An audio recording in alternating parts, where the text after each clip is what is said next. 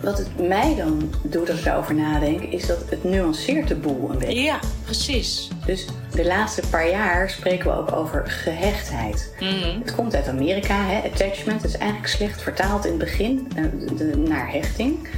Hechting heeft iets statisch. Dat is. En is niet meer te veranderen. Problematische gehechtheid, en eh, dat, dat is wat gezegd wat meer over. ehm, dat, dat, dat geeft wat meer beweging, laat ik het, laat ik het zo zeggen. Ja. Als je over die 50-50 verdeling of die 40-60 verdeling nadenkt, als 40% van de mensheid onveilig gehecht is, dat betekent dus dat niet iedereen zit in de hulpverlening, niet iedereen zit in een kliniek, sterker nog, Nee. een heel klein percentage maar. En daar worden mensen groot en sterk en wijs van. Welkom bij de podcast Jeugdzorg Next Level. Leuk dat je luistert naar deze podcast, waarin je informatie, tips en inspiratie ontvangt, zodat je je begeleidingstrajecten nog beter en klantgerichter kunt maken.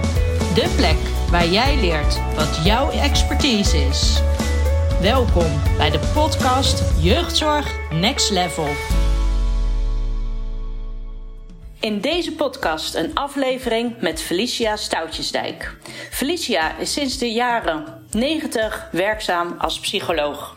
Vanuit haar holistische benadering is zij een toegankelijke vrouw voor haar doelgroep. Felicia heeft zich gespecialiseerd in onder andere ADHD, ASS, trauma, hechting en ze heeft jarenlang onderzoek gedaan vanuit de universiteit in Utrecht naar adoptie en pleegkinderen. En Felicia is nog zoveel meer. Maar in deze podcast zal Felicia ons meer gaan vertellen over hechting, over haar visie op hechting, haar ervaringen en behandelingen. En zoals ze zelf mooi aangeeft, maak je zorgen over hechting vooral niet groter dan het is. Felicia, dankjewel voor de ontvangst in jouw praktijk hier in Delft. Wat Ja. leuk om hier te zijn. Ja, welkom Judith. Ja. Leuk om je hier te ontvangen. Dankjewel. Ja, en wat een mooie introductie. Hè? Ja, nou, dat is eh, nog maar heel iets kort natuurlijk over wat jij allemaal al hebt gedaan. Ja. En eh, ja, wij willen heel graag wat meer weten over hechting. Het is een hot item. We hebben ook al een beetje een voorgesprek daarover gehad. Ja. En eh het gaf je ook al aan dat je al sinds de jaren negentig daar, eh, daarmee bezig bent met hechting. Over de ontwikkelingen die je daarin hebt gezien. Maar eh, ja, eerst zijn we wel benieuwd. Wie is Felicia? Kan je wat meer over jezelf vertellen? Nou, heb je even. ja hoor, we hebben de tijd. Ik ben eh, in 2014 met mijn eigen praktijk gestart. En eh, hier op de Moslaan in Delft, de kamer waar we nu zitten. En daarvoor, tijdens mijn studententijd, ben ik begonnen met een kindertelefoon. Daar heb ik heel, heeft mij heel erg gevormd in eh, praten met kinderen. En nou, kunnen wisselen van praten over appeltaart tot eh, wat is pijpen. En eh, dat, dat, Ja. ja, alle moeilijke dingen in het leven die er ook gebeuren. Hè, waar je kinderen mee wil ondersteunen. Ja. Om kunnen gaan. Ik ben afgestudeerd inderdaad, zoals je net al zei, naar het onderzoek naar Roemeense adoptiekinderen in Nederland. Daar ben ik blijven hangen als onderzoeksmedewerker. Interessant hoor. Ehm, en vanuit daar later ben ik meer in de GGZ gaan werken. Eerst als, eerst bij, als preventiewerker voor kinderen van ouders met psychische problemen. Daarna als eh, gezinsbehandelaar bij mensen thuis. Verstandelijke beperking en eh, mensen met autisme ook. Vanuit de IPG-methodiek, of de IAG-IPG. Wat houdt dat in? Intensieve ambulante gezinsbehandeling. Dus daar heb ik een post-HBO-opleiding voor gevolgd. Die eh, iedereen die als ambulant begeleider werkte zou aanraden. Ja, goede tip. Ja, zeker. En ehm, ik had toen echt plezier in bij mensen thuiskomen. En, en ja, het is zo fijn om bij mensen thuis te komen en, en er te mogen zijn. En samen te kijken van wat gaat er goed en wat gaat minder goed. En nee, je komt natuurlijk niet voor niks. Nee. Om mensen weer verder te helpen. Precies. Ja, mooi. Vanuit mijn eh, onderzoekswerk als, als naar gemeente adoptiekinderen heb, heb ik contact gemaakt met een kinderthuis in Roemenië, of samen met mij eigenlijk. en dat heeft voor mij naast dat onderzoekswerk de basis gelegd om mijn aandacht te houden bij kinderen met hechting en traumaproblematiek. Ehm, en eigenlijk vooral in mijn werk had ik altijd adoptie en pleegzorg als eh, aandachtsgebied. Want kwam dat veel voor dat je dat Eh, nou, overal waar ik werk, dus na dat gezinswerk ben ik daarna eindeloos in, in verschillende GGZ-instellingen, met GGZ-kinderen gaan werken. En, nou ja, en overal waar, ik, waar we dan werkten, gingen onderzoek doen. Sprake van ADHD of autisme, maar dan hadden ze ook nog veel meegemaakt. En dan ging iedereen naar mij kijken. En ja, hoe zit dat dan met de hechting? Want dat was een beetje een opkomst. Er werd tot 10, 15 jaar geleden nog niet automatisch veel over nagedacht. Oké. En de- valkuil daarvan is, en ik denk dat dat nog steeds zo is, is nu daar wat meer focus op ligt, meer aandacht voor is, dat mensen het snel zien en dan dus zich daarop gaan richten.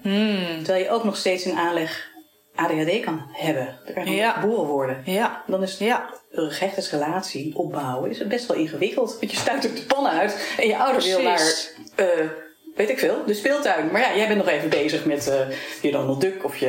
eh, weet- eh, Ja, je game of... je game ja, en, ja, ja. ja, en dan kan er natuurlijk wel eens frictie ontstaan. Precies. Nou, dus het kan allemaal en-en zijn. Ja, dus ja. goed na of vanuit een gebeurtenis wat traumatisch is Ja, geweest. Precies. Ja. ja. Nou ja, en dat is ook weer, ook weer zo'n zo'n interessante van een traumatische gebeurtenis. Is mijn, omdat ik vanuit adoptie ben begonnen, daaruit waren we gewend om, om, om veel bezig te zijn met hoe gaat de ontwikkeling van de gehechtheid en de gehechtheidsrelaties. Daarover na te denken. En pas later is er bedacht dat hechting en trauma heel vaak hand in hand gaan. Oké. Dat, dat, en ik zelf zeg altijd, mij kan je wakker maken op het thema eh, gehechtheid. Mhm. Maar trauma en traumabehandelingen, daar ben ik me nog steeds in aan het scholen en ontwikkelen. Dat is echt een vak apart. Nee, het, het gaat niet? hand in hand. Ja, oké. Maar ik voel me daar minder eh, eh, bedreven en, en expert in als op het gebied van gehechtheid. Oké, interessant. Ja, Want waar dat, zit hè? voor jou dan het verschil? Ja, dat dacht ik al dat je dat ging Ja. vragen. Maar ik denk dat we daar een hele aparte podcast over kunnen maken. Dat is ook weer een heel verhaal apart. Ja, ja, ja. Nee, helemaal maar goed. eh, ik zal, dan zal ik je nog één ding laten zien. Want mijn, mijn eh, eh, hè, over wie is Felicia gesproken. Dus mijn, ik heb dit ooit een keer gemaakt voor een eh, sollicitatie. een heel Eh, moodboard. een heel moodboard. En dat is gebaseerd op de kernkwaliteiten. Ken je dat? ja, Dus zeker. dit, dit, dit zijn mijn kernkwaliteiten. Dit is mijn valkuil. Heel veel ballen eh, in de... eh, ja, ik net ballen, zeggen, kun je zijn het omschrijven voor onze luisteraars? Wat, wat Ja. zien we? Nou ja, kernkwadrant is natuurlijk hier is mijn kernkwaliteit, ik zo vertellen. Valkuil, uitdaging, allergieën. Ja. ja. Dus, maar eh, wie is Felicia? Is, dit is mijn kinderthuis.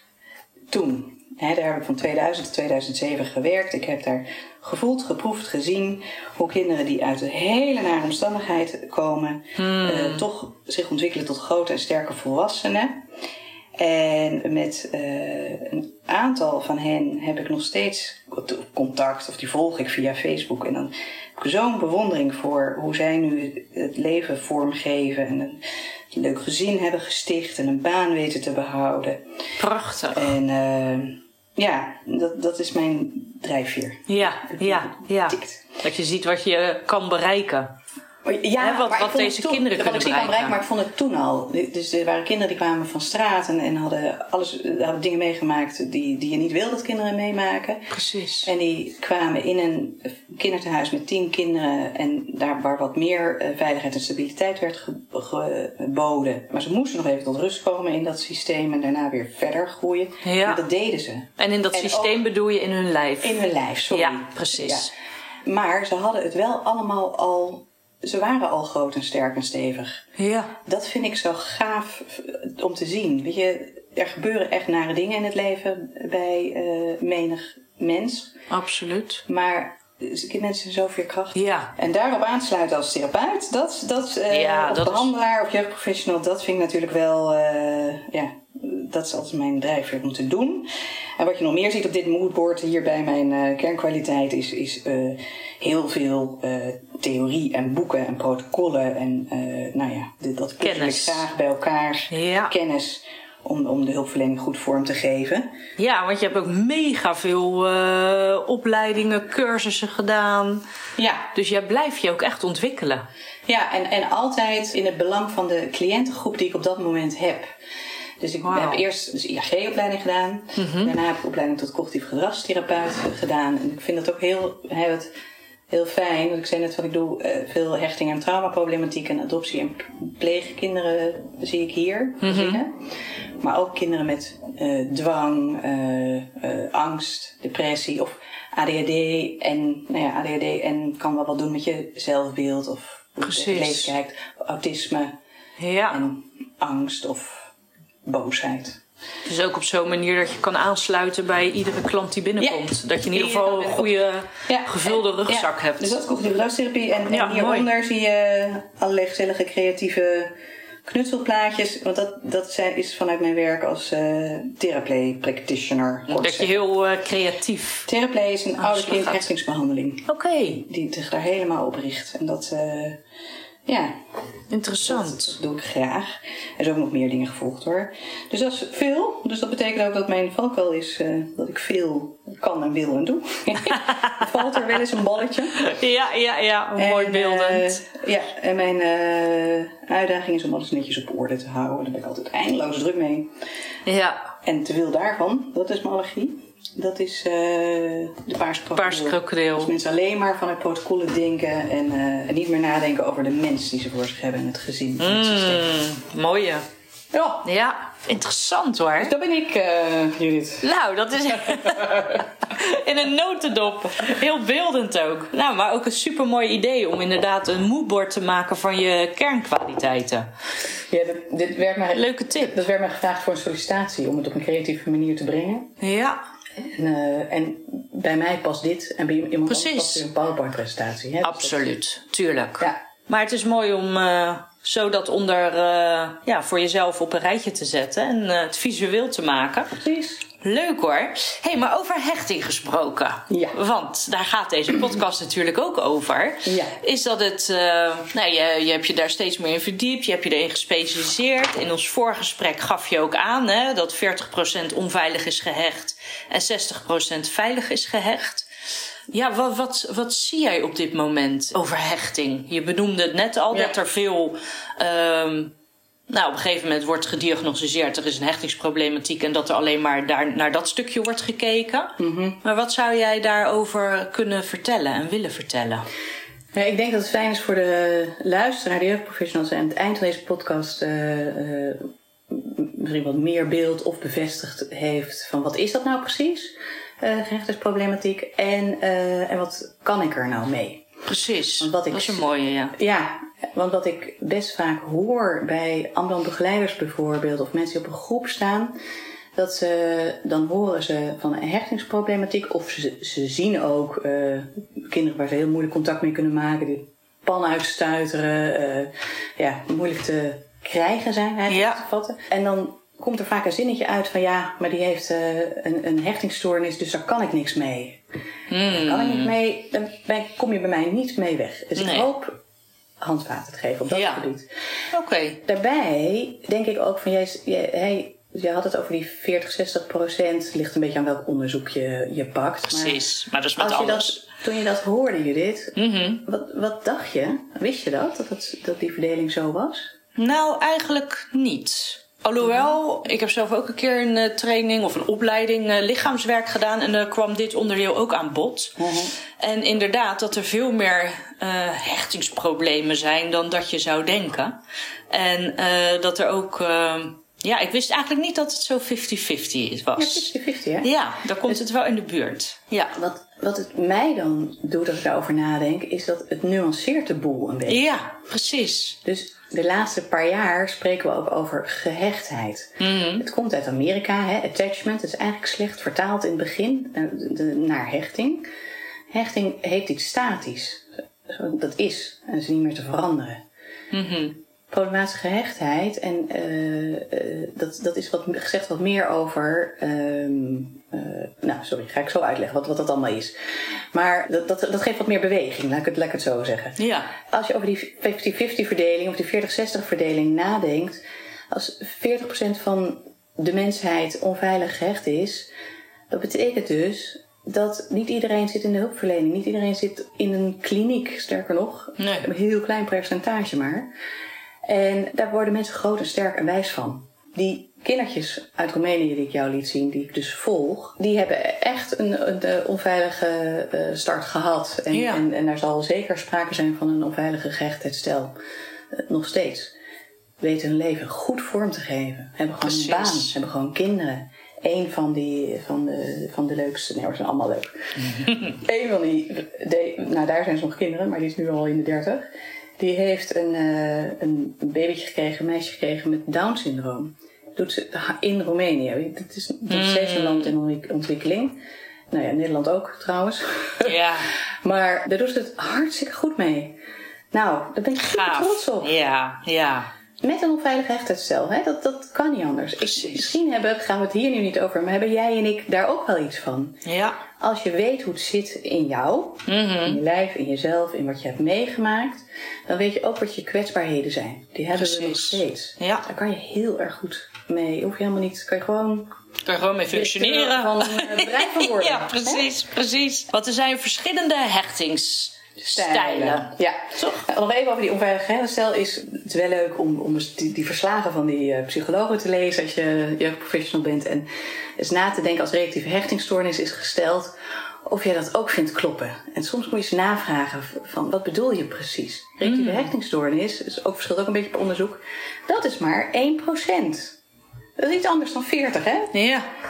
In je verslaglegging is het ook belangrijk om eens na te denken... waar doen we deze mensen het meeste recht aan? Op het moment dat je eh, het hecht, hebt over hechting... dan, nou, in mijn praktijk is 9 van de 10 keer... zijn die ouders voelen zich super schuldig. Hechting, dus ik heb het niet goed gedaan. Dat is niet aan de orde.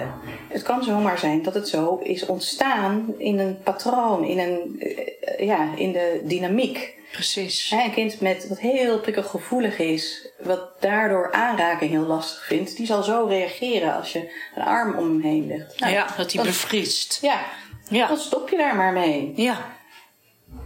Dat heb ik echt een keer meegemaakt. Hele leuke ouders, heel leuk, eh, intelligent, super intelligent kind ook. Maar die kon wel heel boos worden. En, Hmm. en dat wilde die, hij vanaf. En we waren de ouders ook niet blij mee. Zijn we theraplay mee gaan doen. En al heel snel kwamen we erachter dat als je alleen maar even een hand op zijn schouder legde. Wauw, Dat dat, hij dat weer kon lijf. toelaten. Ja, dan kan je het hebben vervolgens over eh, eh, dat, hoe dat zit met boosheid. En, en iedereen is wel eens boos. Mag boosheid er zijn van jou, van je ouders. En hoe zijn we boos op een goede manier? Precies.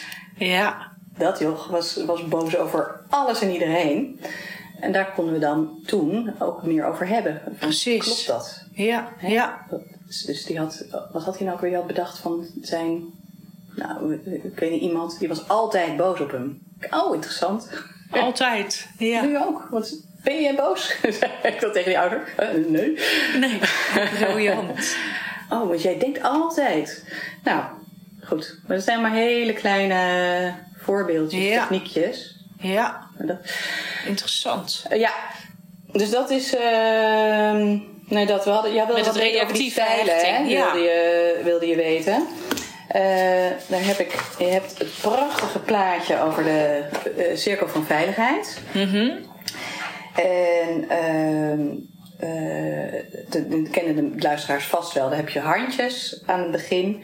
En de handjes is. is ik zal het even zo neerzetten. Zo. Kun je daar naar kijken terwijl we praten. Is theoretisch gezien wat, wat je wil bieden als ouder. eh, is dat je een veilige basis bent. van waaruit het kind op onderzoek kan gaan. En als het eh, zijn, eh, zijn teen stoot, letterlijk of figuurlijk. een veilige haven om in terug te keren.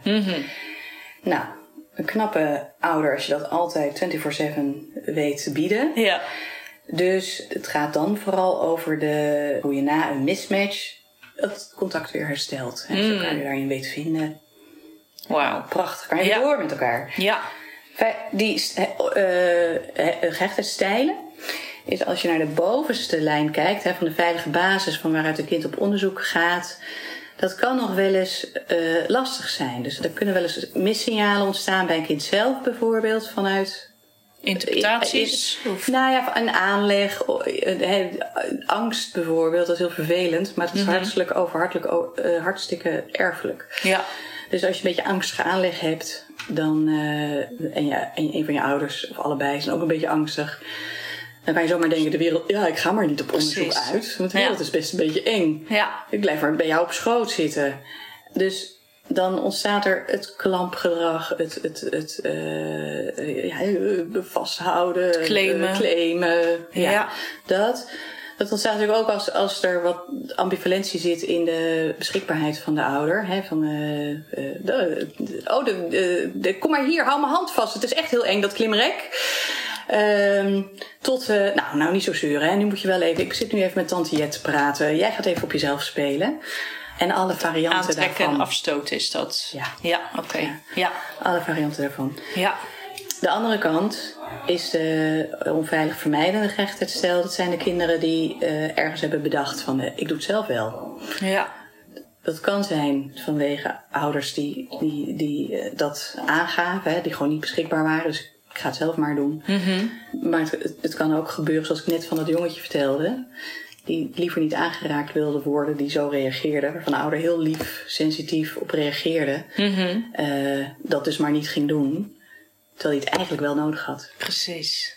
Ja. En dan de gedesorganiseerde hechte gehechtheidsstel, dat is de ingewikkeldste. Dan heb je van alles wat. Dus, dus Oké. helemaal afstand eh, aantrekken, de afstoten. eh, ja, een hele lijst kan ik Ja. heel veel over vertellen nog. Ja. Maar, ja. Dus dat, dus, dus dat hè, bij adoptiekinderen zie je bijvoorbeeld ehm, ook weer, dat is ook goed om te weten, want je ziet op televisie zoveel over adoptie dat je denkt, oh, die zijn allemaal onveilig gehecht. Of ik had laatst een, een pleegouder die mij belde voor een eenmalig consult, want had gezinswerk, pleegzorgwerker. Die had gezegd, ik, het is een pleegkind, dus ik denk dat er sprake is van hechtingsproblematiek. Oké, mooie koppeling. En eh, ja, en hij zei ja, en daar moesten we dan misschien wat mee. Maar ik denk dat het wel goed gaat.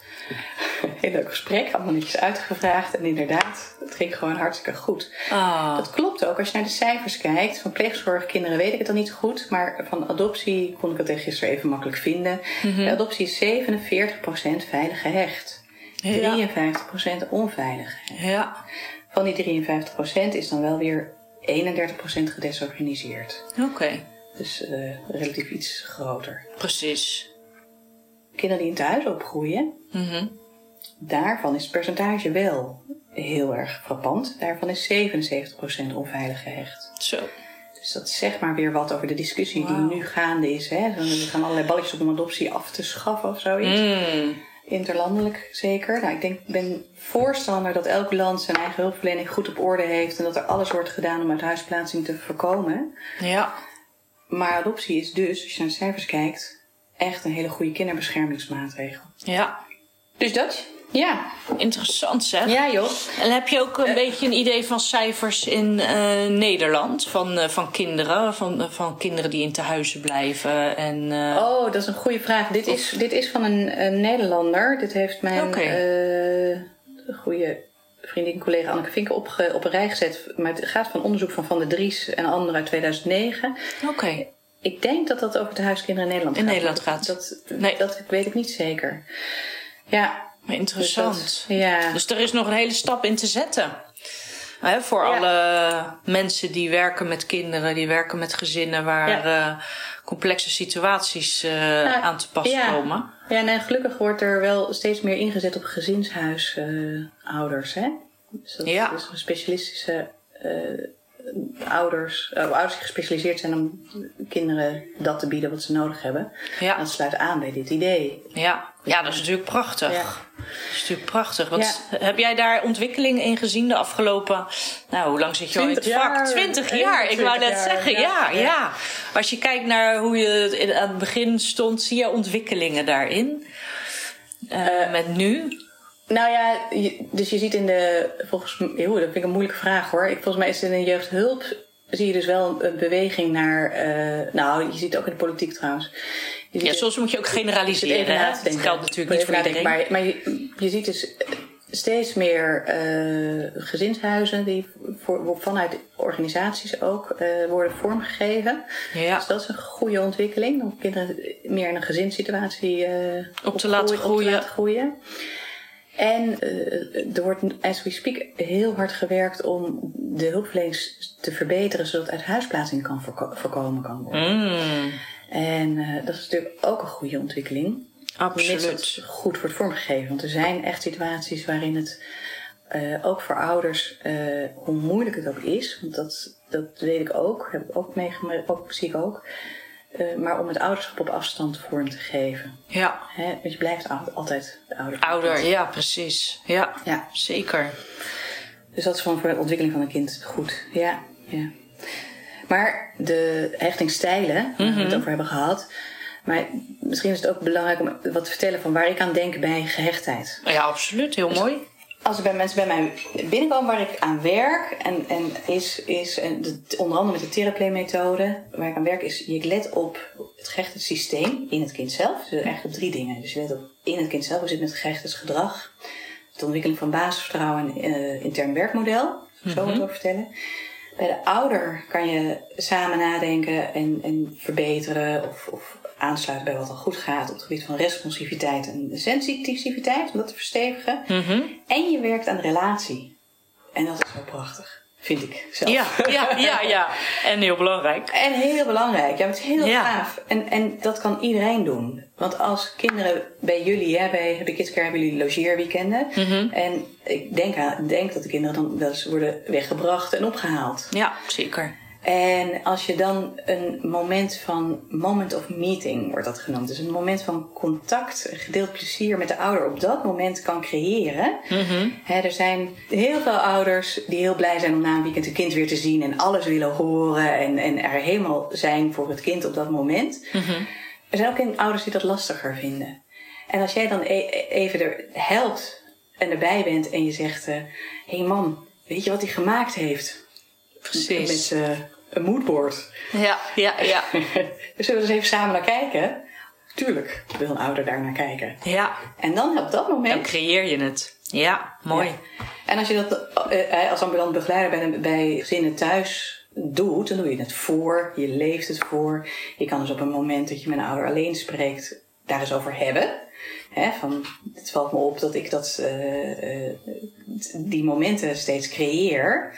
Wanneer heb jij die momenten op een dag?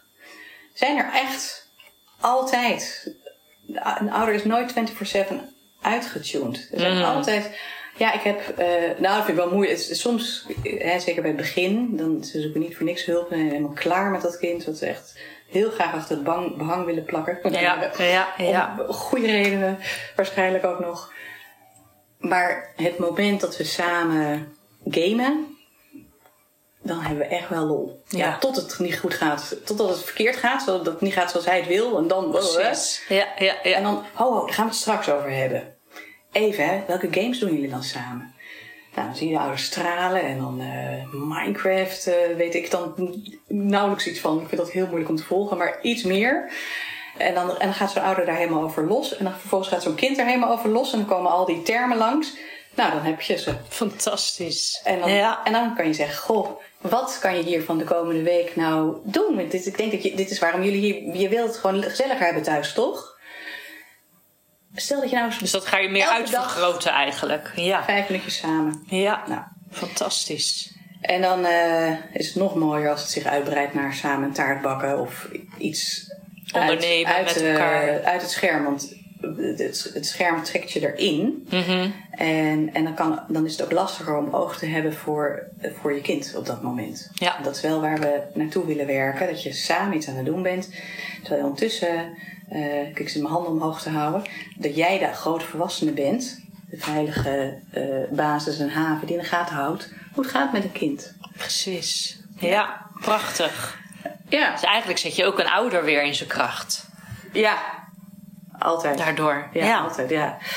En ik denk ook dat het, als er ooit de term hechtingsproblematiek, dat zei ik net al, hè, er is gevallen, dan, dan zijn ouders ook meteen heel kwetsbaar. Die voelen zich, die Mm. maken snel de link bij van, eh, oh, dan ligt het dus aan mij. Maar dat Ja. echt helemaal niet. Nee, nee, nee. Nee, en een, ander ding wat ook helpend is om, is om aan de ouders uit te leggen, is dat er sprake kan zijn van blocked care, wat, wat ontstaat. Is een nieuwe term, van, tenminste een relatief nieuwe term, die ik recent heb geleerd. Oké. Van Dan Huge. Ik heb ook nog nooit van Nee, ik gehoord, ken ik aan het niet. Nee, nee. Als je het hoort, denk je, oh ja, dat herken ik. onderzoek gedaan. Is, we hebben allemaal wel momenten dat je, eh, ook met cliënten, dus, uh, we doen dit werk omdat we kinderen leuk vinden. Dus het komt bij mij niet heel vaak voor. Maar ik heb wel eens dat ik hier iemand kom en dan denk ik, ik vind je gewoon eigenlijk niet zo leuk. en dan is voor mij een belletje. Want je kan niet werken met iemand die je niet leuk vindt. Nee. Moet heel hard gaan werken om te zorgen dat het wel gaat stromen. Nou, dan komen we terug op de care. Mhm.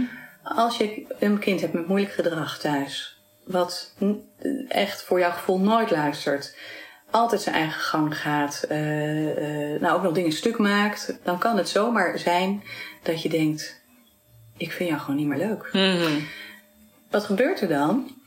En het is ook gewoon heel normaal hè, om dat op een dag te hebben, elke dag een moment te hebben. Maar het is wel fijn als er ook momenten zijn dat je elkaar wel leuk vindt. Maar het kan natuurlijk zijn als dat dag in dag uit zo moeilijk gaat, dat je een moment hebt dat het geblokkeerd is, de, de liefde, stroomt Ja. niet meer. Ja. Wat blijkt nou zo te zijn, is ook nog te verklaren vanuit de neurobiologie, is wij hebben nu een, een leuk gesprek. Jij zit te knikken en ja te zeggen. Dat geeft mij weer eh, een fijn gevoel dat ik iets logisch zeg of iets wat helpt. Ja. Dan komt er een beloningsstofje vrij in je hersenen. Dan ga ik door. Hè, en, en eh, dopamine heet dat. Maar stel dat jij niet zo leuk zou kijken en niet zo leuk op mij zou reageren, dan zou ik denken, ja, ja, ik weet niet of het zin heeft wat ik nu aan het vertellen ben. Dan zou ik wat stiller worden en nou, Terughoudender. terughoudender worden bijvoorbeeld. Ja. Dan krijg ik geen beloningsstofje meer.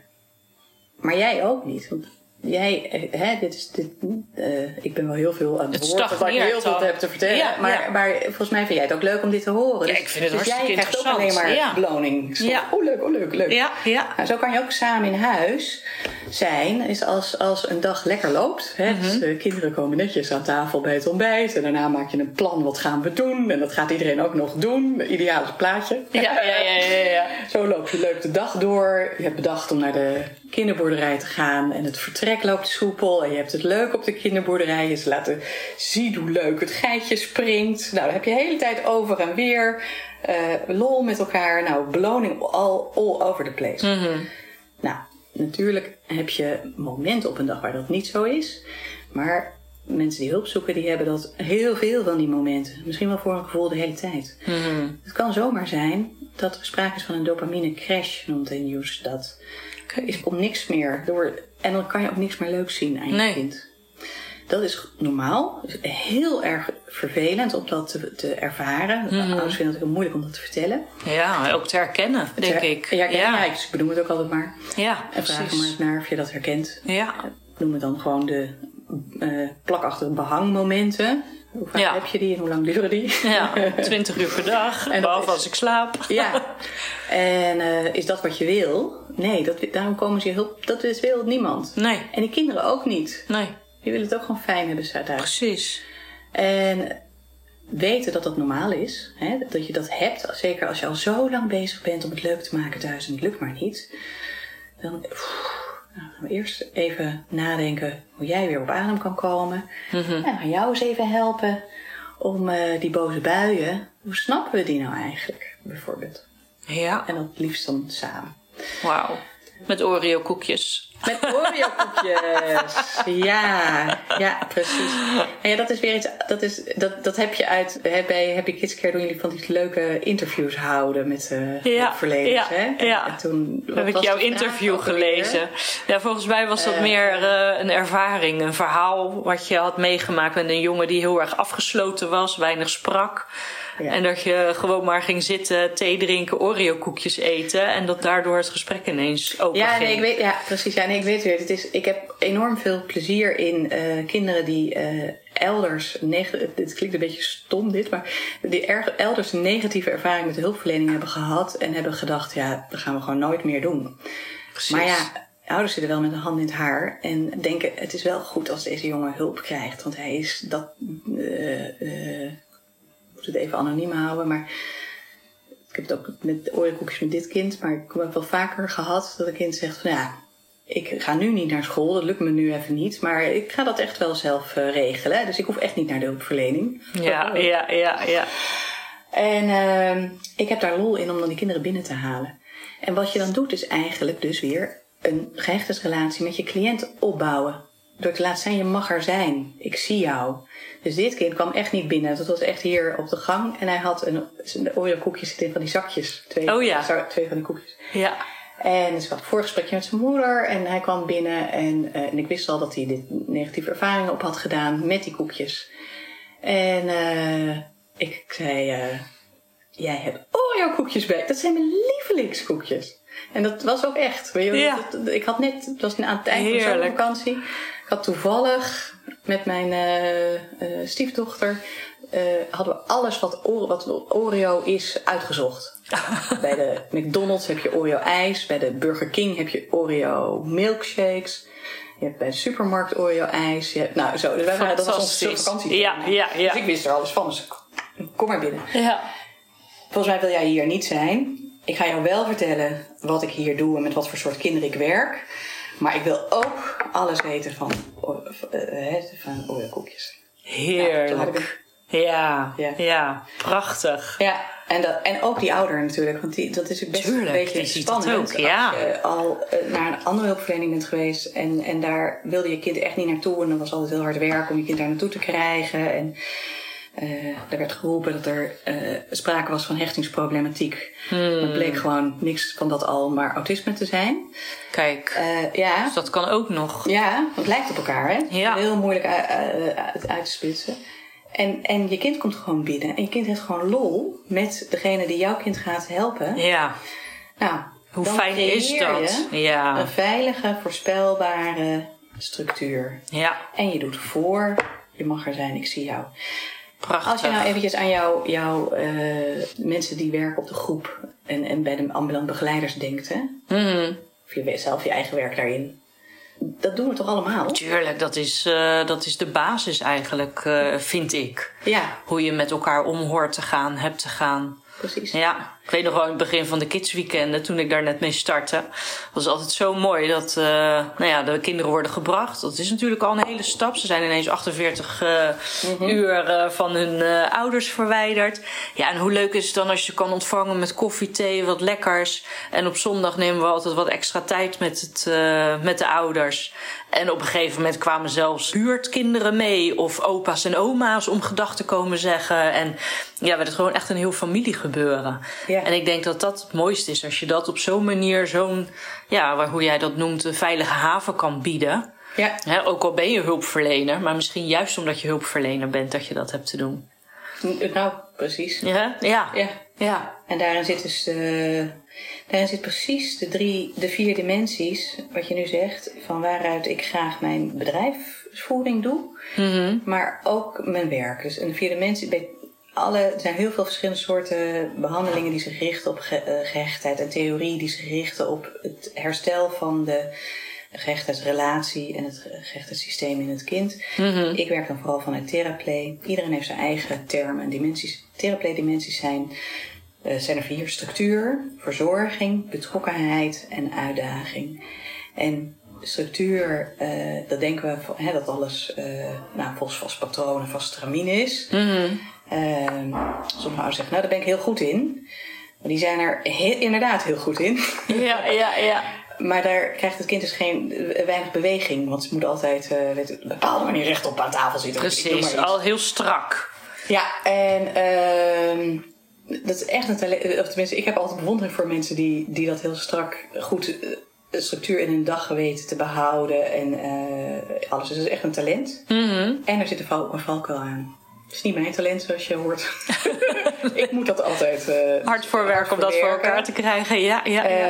Ehm, maar ik vind dus wel als, als hulpverlener dat ik dat wel verplicht ben om te doen. Dus, dat, Mhm. dus, wat gaat, dus rondom structuur, wat is dat? Dat gaat over hoe ben je voorspelbaar? Eh, hoe zorg je eh, dat het duidelijk is wat we gaan doen? Eh, eh, heb, ik heb eindeloos kinderkampen geleid. Het is zo fijn voor kinderen als ze weten bij wie ze, als ze binnenkomen.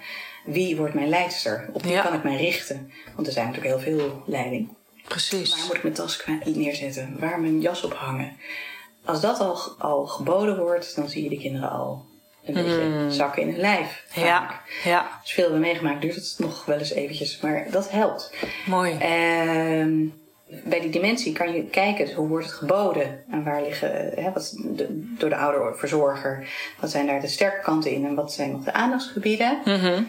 Bijvoorbeeld wat, wat meer meebewegen, zoals ik net, eh, hè, Ja. net, net zei. Maar ook, hoe gaat een kind daarmee om? Sommige kinderen zijn extreem volgzaam. En dan ga je juichen als ze een beetje stout gaan doen.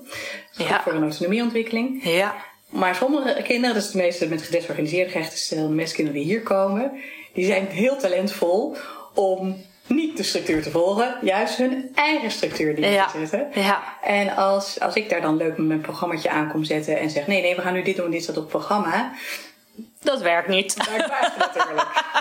Het is leuk bedacht, maar, Maar eh, is- dat werkt niet. Maar het is wel mijn streven dat aan het eind van de therapie het, het kind lukt. Ja, om dat wel te precies. Ja.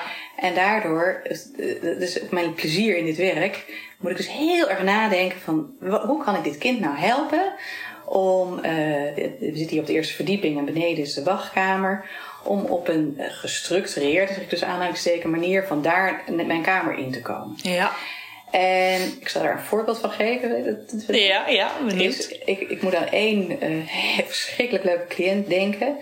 Die toen ik, die had al ergens anders hechtingsbehandeling gehad. Maar dat was nog niet voldoende. De school zat een hand in het haar. En eh, ouders hadden thuis op zich wel eh, onder, waren wel tevreden. Maar bleek het toch eigenlijk ook stiekem wel een beetje zwaar te hebben. En dat jochie kwam hier, stuitte de pan uit. Dus die, die, is, die liep naar boven. Even kijken wat hier in de pan te doen is. Die liep bij mijn collega naar binnen. Oh.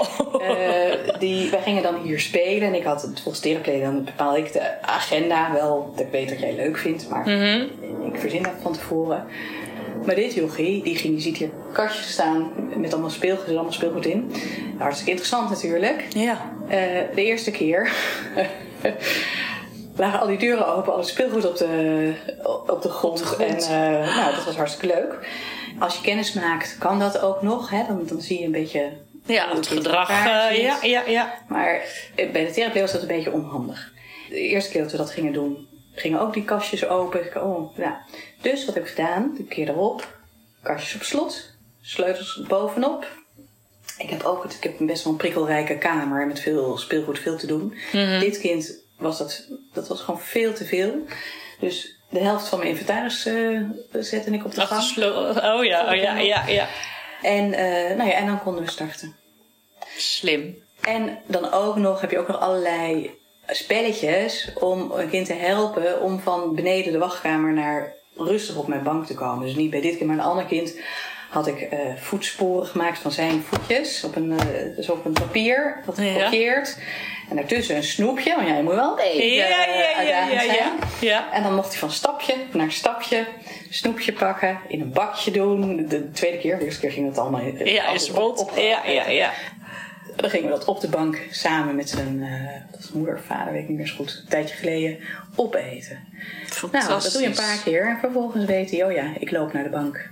En dat is wat we gaan doen. En Ja. starten we. Nou, dat is al structuur. Ja, precies.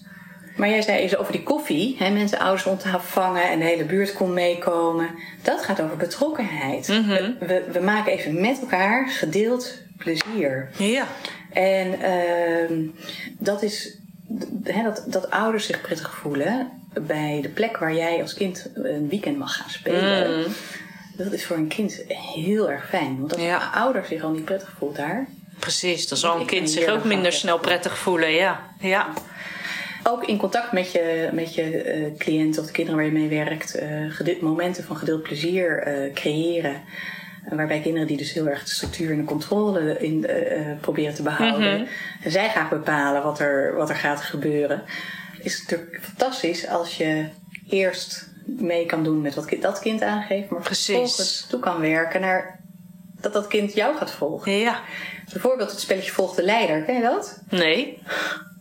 Zullen we even Of wat misschien wel, als je doen? het Zullen we het even wat doen? Ga Ja, ja, ja. ja. ja.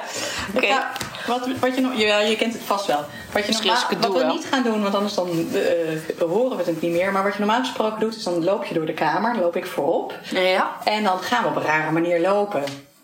Dus we lopen. Oh ja. Ik doe jou na. En jij doet mij na. Handen omhoog. Handen omhoog. Handen beneden. Nou, nou mag jij de leider zijn, Judith. En dan Oh, ja. doe ik mijn handen naar rechts. Handen naar rechts. Naar buiten. Uh, naar buiten, ja. Ja, ja, ja. Nou, Oh, grappig. Ja, dat ken ik wel. Ja, dat doen we wel eens met Volgende dansen. Ja. hiermee Grappig. zet je op neurobiologisch niveau de spiegelneuronen aan. Ah. Want eh, jij hoeft het alleen maar te doen en ik ging het al nadoen. Ja. Hè, of ik deed en jij ging, ging mij nadoen. Maar bij kinderen waar het gechtigheidsgedrag zo verstoord is, die gaan dat echt niet doen. Dus dan ga je van tevoren zeggen, ik ga straks mijn handen omhoog doen. En dan eh, ga jij ook je handen omhoog doen. Dus je moet he- steeds stapjes Zeggen wat je doet. wat je doet. Ja, Ja. Bij kinderen met hechtsproblematiek moet je altijd zeggen wat je doet en ook doen wat je zegt. Mm, hele belangrijke. Hele belangrijke. En eh, deze kinderen, volg de leider. Ja. Ik heb net toevallig voorbereid met, met iemand van wat gaan we doen dan na de vakantie? Nou, kunnen we daarmee starten. Want het is heel leuk om van heel gestructureerd van de wachtkamer naar hier te komen. Dat doe ik alleen maar als er niemand is hoor. Want dan is Precies. Ja, ja, ja, dan durven ze het. en, eh, en anders doe ik het alleen in de kamer. Mag ik dan wel de leider zijn? En ik denk dan, het is voor jou belangrijk om de leider te zijn. Ja, jij mag dan als eerste de leider zijn. En dan doen we daarna nog een rondje, lopen we nog een rondje door de kamer. En dan ga ik de leider zijn. Dan ga ik de... Ja, ja. Oh ja, dat was dan goed. Oh, wat goed. En sommige kinderen kunnen dat niet. Die moeten eerst eindeloos de leider zijn. Ja, En dan precies. werk je dan naartoe. Ja, Nou, dit doen we toch allemaal? fantastisch dit. Dit doe je toch? Ja, Ja. Maar ook heel makkelijk om in te zetten. helemaal inzetten. Ja. Hè, en dan, eh, als je het goed vindt, nog even die andere twee dimensies. Is verzorging. Dat, dat, eh, dat zit hem ook in, in van hoe wordt het geboden? Hoe gaat het met, met eh, een normale ouder-kindcontact? Eh, is het knuffelcontact? Hè? Je, je, je knuffelt of je, je- raakt elkaar aan. Even, eh, ja. ja. Eh, maar sommige kinderen kunnen bij, als ze heel verdrietig zijn, dat juist geen aanraking verdragen. En, en dan roept dat op. Hè, ze roepen dan ook dingen als, eigenlijk een missignaal geef je dan als van, laat me met rust. Ja. En dan kan een ouder ook denken, nou ja, ik moet het maar zelf uitzoeken of ik, die, die wil dat niet, dus ik ga weg. De vraag is of dat echt is wat het kind nodig heeft. sommige kinderen Ja, wel. dat is Maar interessant. sommige Ja. kinderen kunnen zeggen, eh, sommige kinderen kunnen gewoon nodig hebben, eh, zeker tieners ook hè. Mm. Ik zie dat jij nu echt heel verdrietig of boos bent en, en natuurlijk ga ik niet aanraken, want dat vind je vervelend. Maar ik ben er voor je. Ja, prachtig. Ja, Door het gewoon te benoemen. ja, maar verzorging zit hem ook in, eh, in koffie en thee en koekjes. Als de ouders de kinderen Ja. komen ophalen. Ja. Of als de kinderen er zijn. Dat je, je start vast vrij snel met een eh, moment dat je even wat samen wat drinkt of eet. Verzorging zit, ook, zit hem ook in, in dat je oplet dat er in een dag een afwisseling zit in, in activiteiten die heel veel energie geven en die Ja. weer kalmeren. Ja. Daarmee eh, help je ook een kind om zichzelf te reguleren. Dus reguleren Ja. van emotie en gedrag. Heel Er belangrijk. allerlei spelletjes op te verzinnen. Ja, zeker. Dus Micheline Metz heeft bijvoorbeeld een boek geschreven, 100 spelletjes. We moeten even de titel zo pakken, maar Google Micheline Metz en 100 spelletjes, eh, daar kan je allemaal Ja. tips uithalen op dat gebied. Ja. Nou, en de laatste dimensie waar ik graag op let en mee werk is uitdaging. En uitdaging, dat, dat is weer, dan let je op van hoe wordt dat geboden. Stemt een ouder af op sociaal-emotioneel niveau. Want een, een kind kan wel eh, twaalf zijn en eh, heel wijs en eh, ik kan de wereld aan overkomen. Hmm. Maar ondertussen van binnen heel klein, Heel klein zijn. voelen. Ja. En zeker die 12, 13-jarigen, die, die willen ook echt groot en wijs zijn en voelen. Maar hebben ook nog af en toe nodig. Kom, we gaan nu even, ik ga je even voorlezen. Ja, precies. Het is weer Eh, even klein mogen zijn. Klein, het is even klein Ja, mogen zijn. ja. En dat is als jeugdprofessional helemaal fantastisch leuk. Want dat vind ik zelf. eh, is, is bij die leeftijdsgroep dingen te verzinnen waarbij je op jong niveau eh, bezig bent. Mhm. Maar het niet zo overkomt. Want als je Precies. gaat kleien met kinderen van 12, 13, dan gaan ze echt niet doen. Super stom. Maar als je een, een, een, een raadspelletje onder een kleed doet waar klei ligt, of kinetisch zand of zo. Oh ja. Ja, ja, ja. Dat is dan misschien wel. Dan vinden ze het leuk. Ja, ja. Ehm, Dus je hebt gewoon ook zelf heel creatief te zijn. ja, Aansluiting te vinden. Ja, ja. En snappen wat er aan de hand is. precies. Snappen wat speelt er in een kind Ja. zelf, in de ouder, in de relatie. En daarop aansluiten. Ja. En die uitdagende activiteiten. De kind, sommige kinderen die, die komen over alsof ze alles aankunnen. En dan is het gevaar dat je ze gaat overvragen. Ja, heel goed precies. letten. Ja. Eh, ehm, en sommige kinderen die zitten, gaan er dus juist weer onder zitten. Eh, De bovenkant van de cirkel. Die kan het echt niet. En, eh, en dan, eh, nou ja, dan kan er zomaar een patroon ontstaan van dat een ouder echt alles voor een kind doet. Ja, precies. Bijna alles. Wat heel logisch is. Want als je- ik, ja, ik kan echt mijn rits niet dicht doen. En, eh, en is ook motorisch onhandig ook nog. Dan denk je, ja, dat snap ik wel. En het is ook nog onpraktisch, want je moet ook echt naar school. Dus. Ja, ja. Er zit vaart achter. En dan meedenken van hoe kan je een kind toch stimuleren om dingen aan te gaan durven. Ja. En dingen te gaan doen. Gaaf, fouten te mogen maken. Ja, het is eh, een, een, een, een geheel. Het is niet zomaar iets. eh, hoe zeg je dat? Ja, er komt gewoon heel veel bij kijken. ja. En eh, wat je ook al aangaf, van ja, je kan het eh, diagnosticeren, maar de vraag is: is dat het en is dat het alleen? Dus het blijft belangrijk om naar het totale plaatje te kijken, wat je aangeeft, om te zien van eh, wat heeft het kind nodig, hoe kan ik daarop aansluiten. Ja, over hechting, daar is natuurlijk heel veel over te vertellen, over te, over te lezen. Heb jij een tip waar. ehm, ja, waar, waar wat, wat een leuk boek is bijvoorbeeld om te lezen over hechting.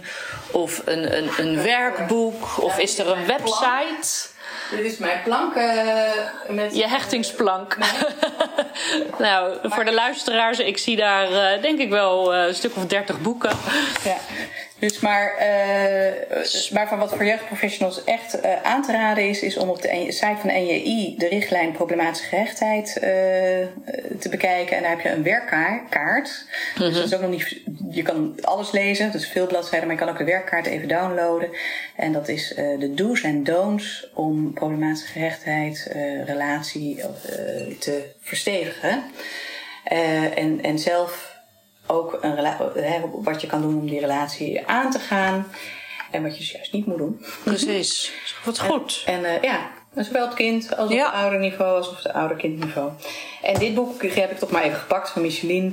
Is eh Micheline Met, spelenderwijs verbinden en hechten met meer dan 100 spelletjes. Ja, Ja, ja die dat- hebben wij ook. Oh, ja. ja, dat is een Eh, prachtig boek. Dat is eh, ook een leuk mens. Ja.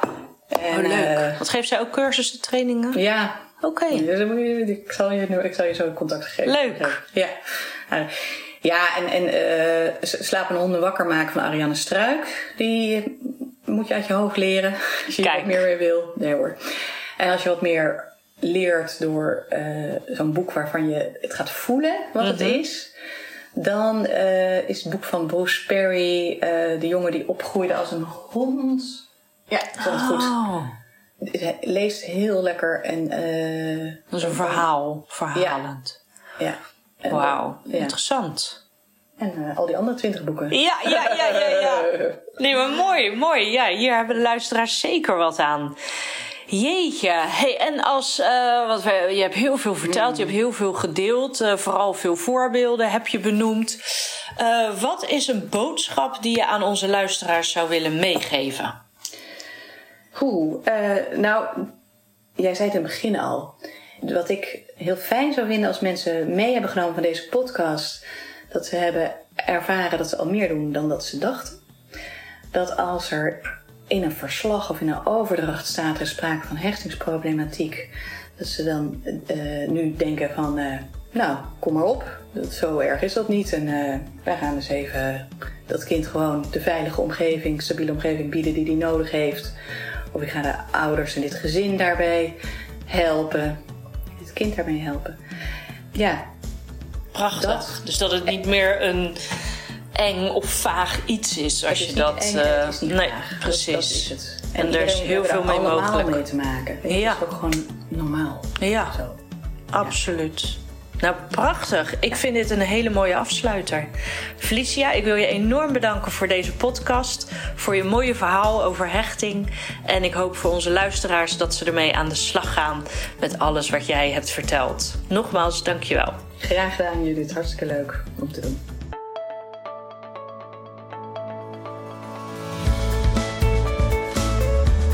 Superleuk dat je weer luisterde naar de podcast Jeugdzorg Next Level. Ben jij al geabonneerd op deze podcast? Doe dat dan snel, zodat je als eerste op de hoogte bent als we weer een nieuwe podcast online zetten. Tot slot vinden we het leuk als je ons een berichtje stuurt of een vraag, zodat we je nog beter kunnen helpen. Stuur een pb'tje via de socials of mail naar Judith apenstaartje hkcacademy.nl. Bedankt voor het luisteren en tot een volgende podcast.